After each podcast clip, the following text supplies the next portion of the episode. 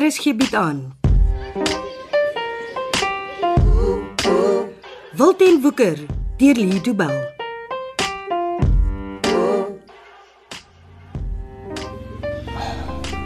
sien jy iets?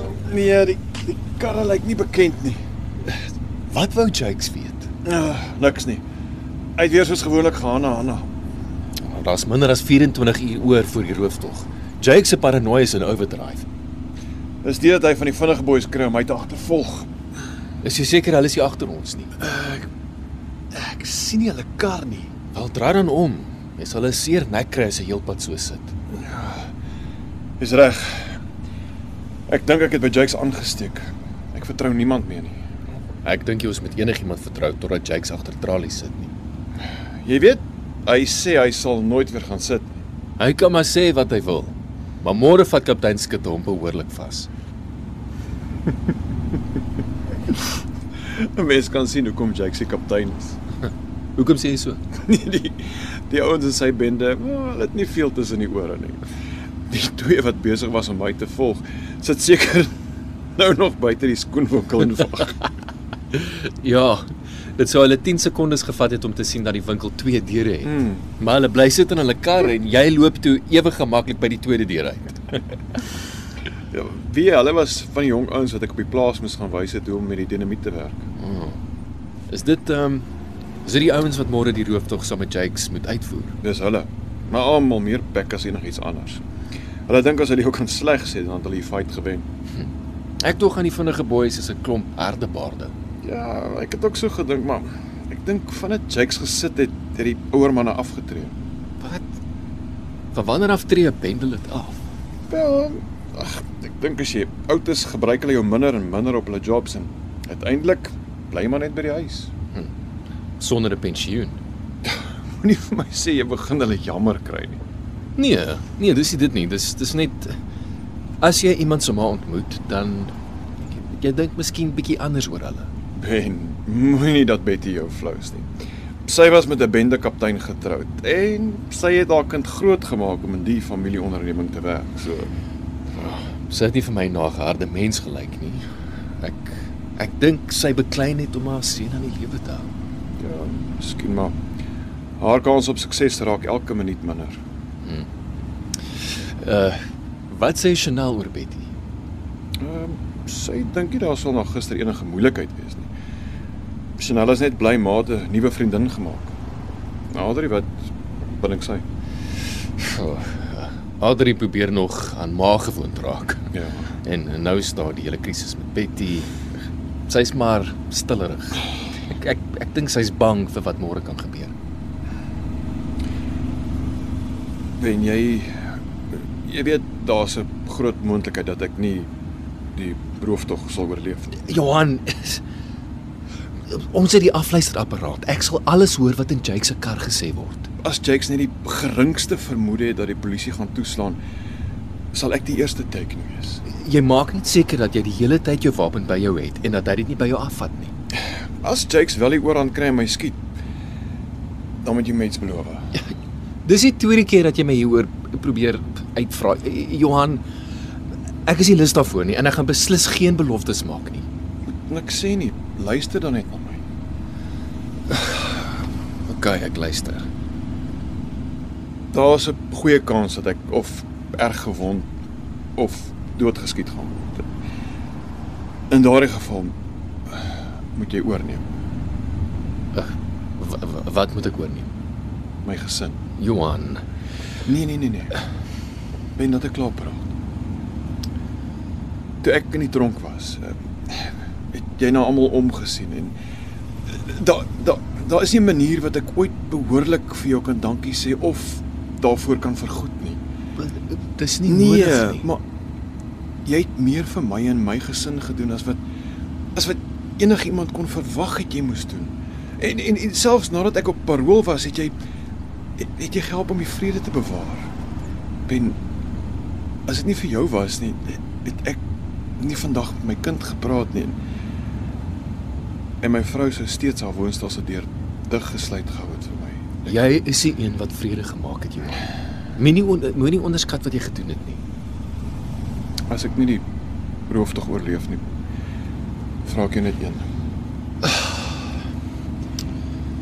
Ek weet jy dink dis bloedgeld, maar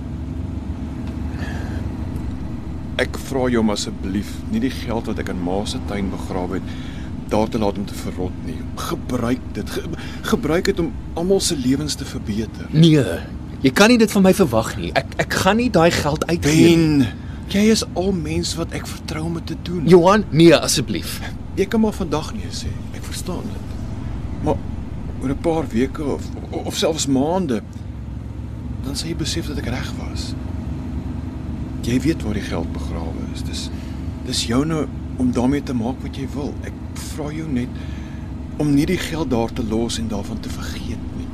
Jy praat so asof dit erfgeld is wat jy vir ons agterlaat. Dis al wat ek het om te gee, Ben. My my lewe het nie reg verloop nie en en ek weet ek is skuldig, maar gun my hierdie een versoek asseblief. Hoekom? As ek môre in die kar saam met Jakes klim, kan ek maar net sowel in my eie doodskus klim. Want my kans op oorlewing is nul en jy weet dit. Dit is nie waar nie, Johan. Jy het 'n wapen en en as jy vermoed dat Jake jou wil skiet, dan skiet jy eerste. Sy hande gaan op die stuurwiel wees. Dit dit gee jou 'n voordeel. Ons is amper by die grot. Jy weet, al die jare wat jy in die tronk gesit het, het ek nooit gedink dat ek en jy ooit weer saam grot toe sal kom. En nie meer as vyande nie, maar weer as broers.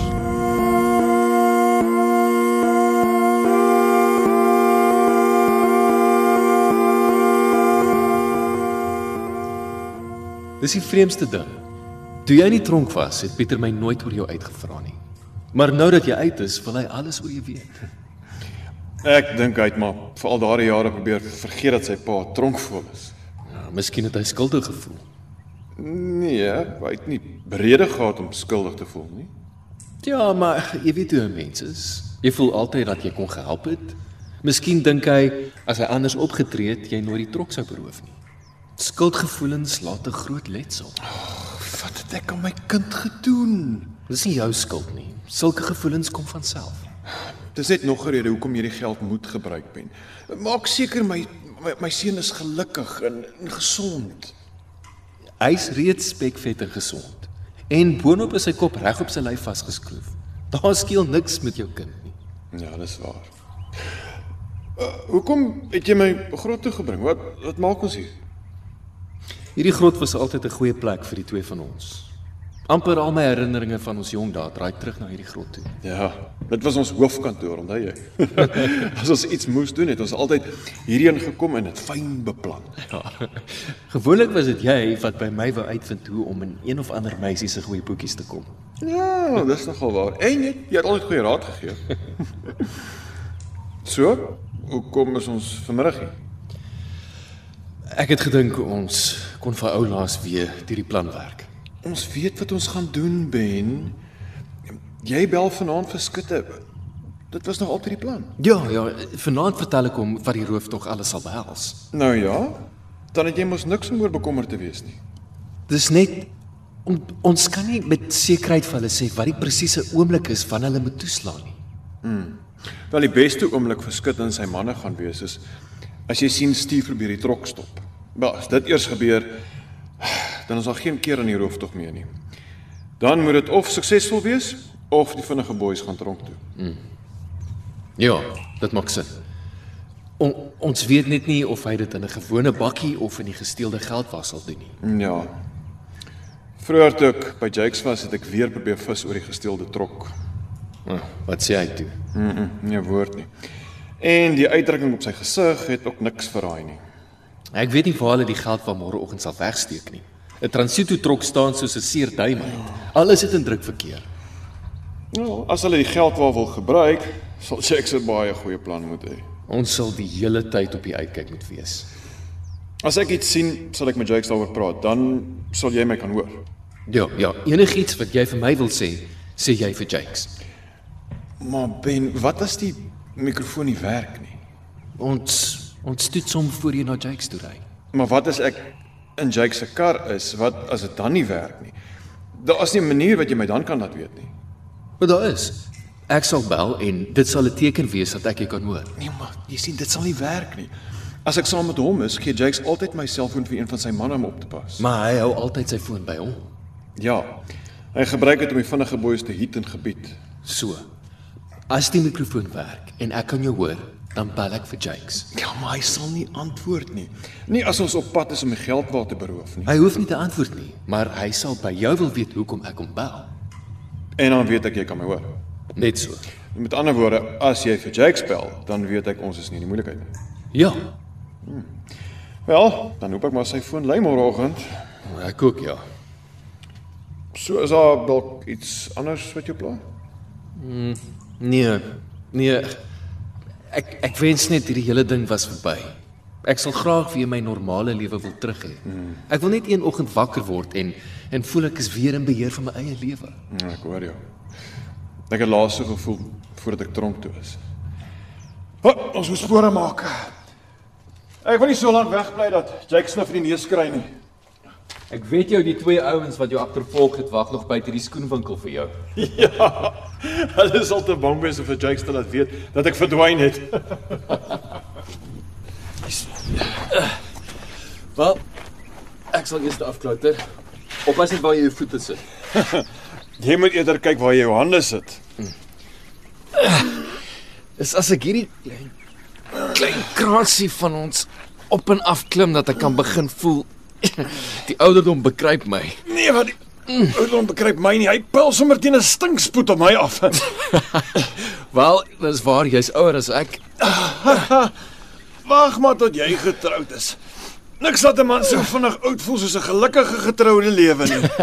Ek sal sien ja. Ja. En? Waaraan dink jy as jy so smile? Ja. Hoe gelukkig ek is saam met Adri. Ja. Ek kan sien hoekom jy baie verlief is. Adrie is 'n goeie mens. Ja. En een van die dae sal ons kinders aanneem. Een van hierdie dae is jou jonger broer 'n pa. Wel, dis iets om na uit te sien. Ja. OK, ek is laag genoeg. Ek gaan spring. OK. OK. Kan jy onthou wat jy besiel het om die eerste keer teen hierdie kraans te wil uitklim?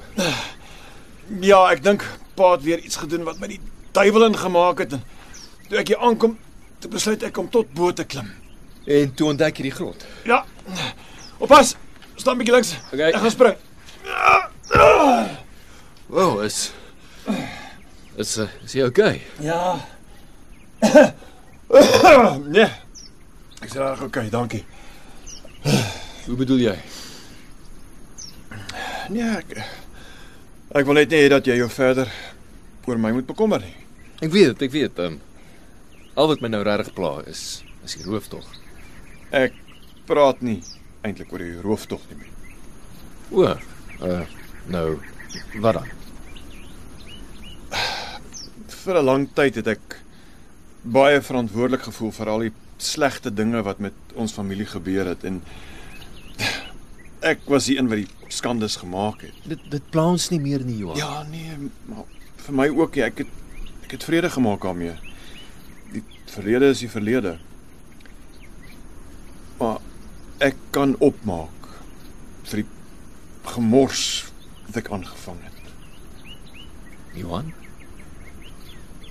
Wat ek môre doen, Ben, vee my skuld uit. Met die bende en met almal van julle. Môre vereffen ek my skuld. Na môre skuld ek niemand niks nie. Ek is bereid om die prys te betaal. As die prys my lewe is dan dan beloof ek jou ek het vrede in my hart. Ek is reg vir wat op my wag.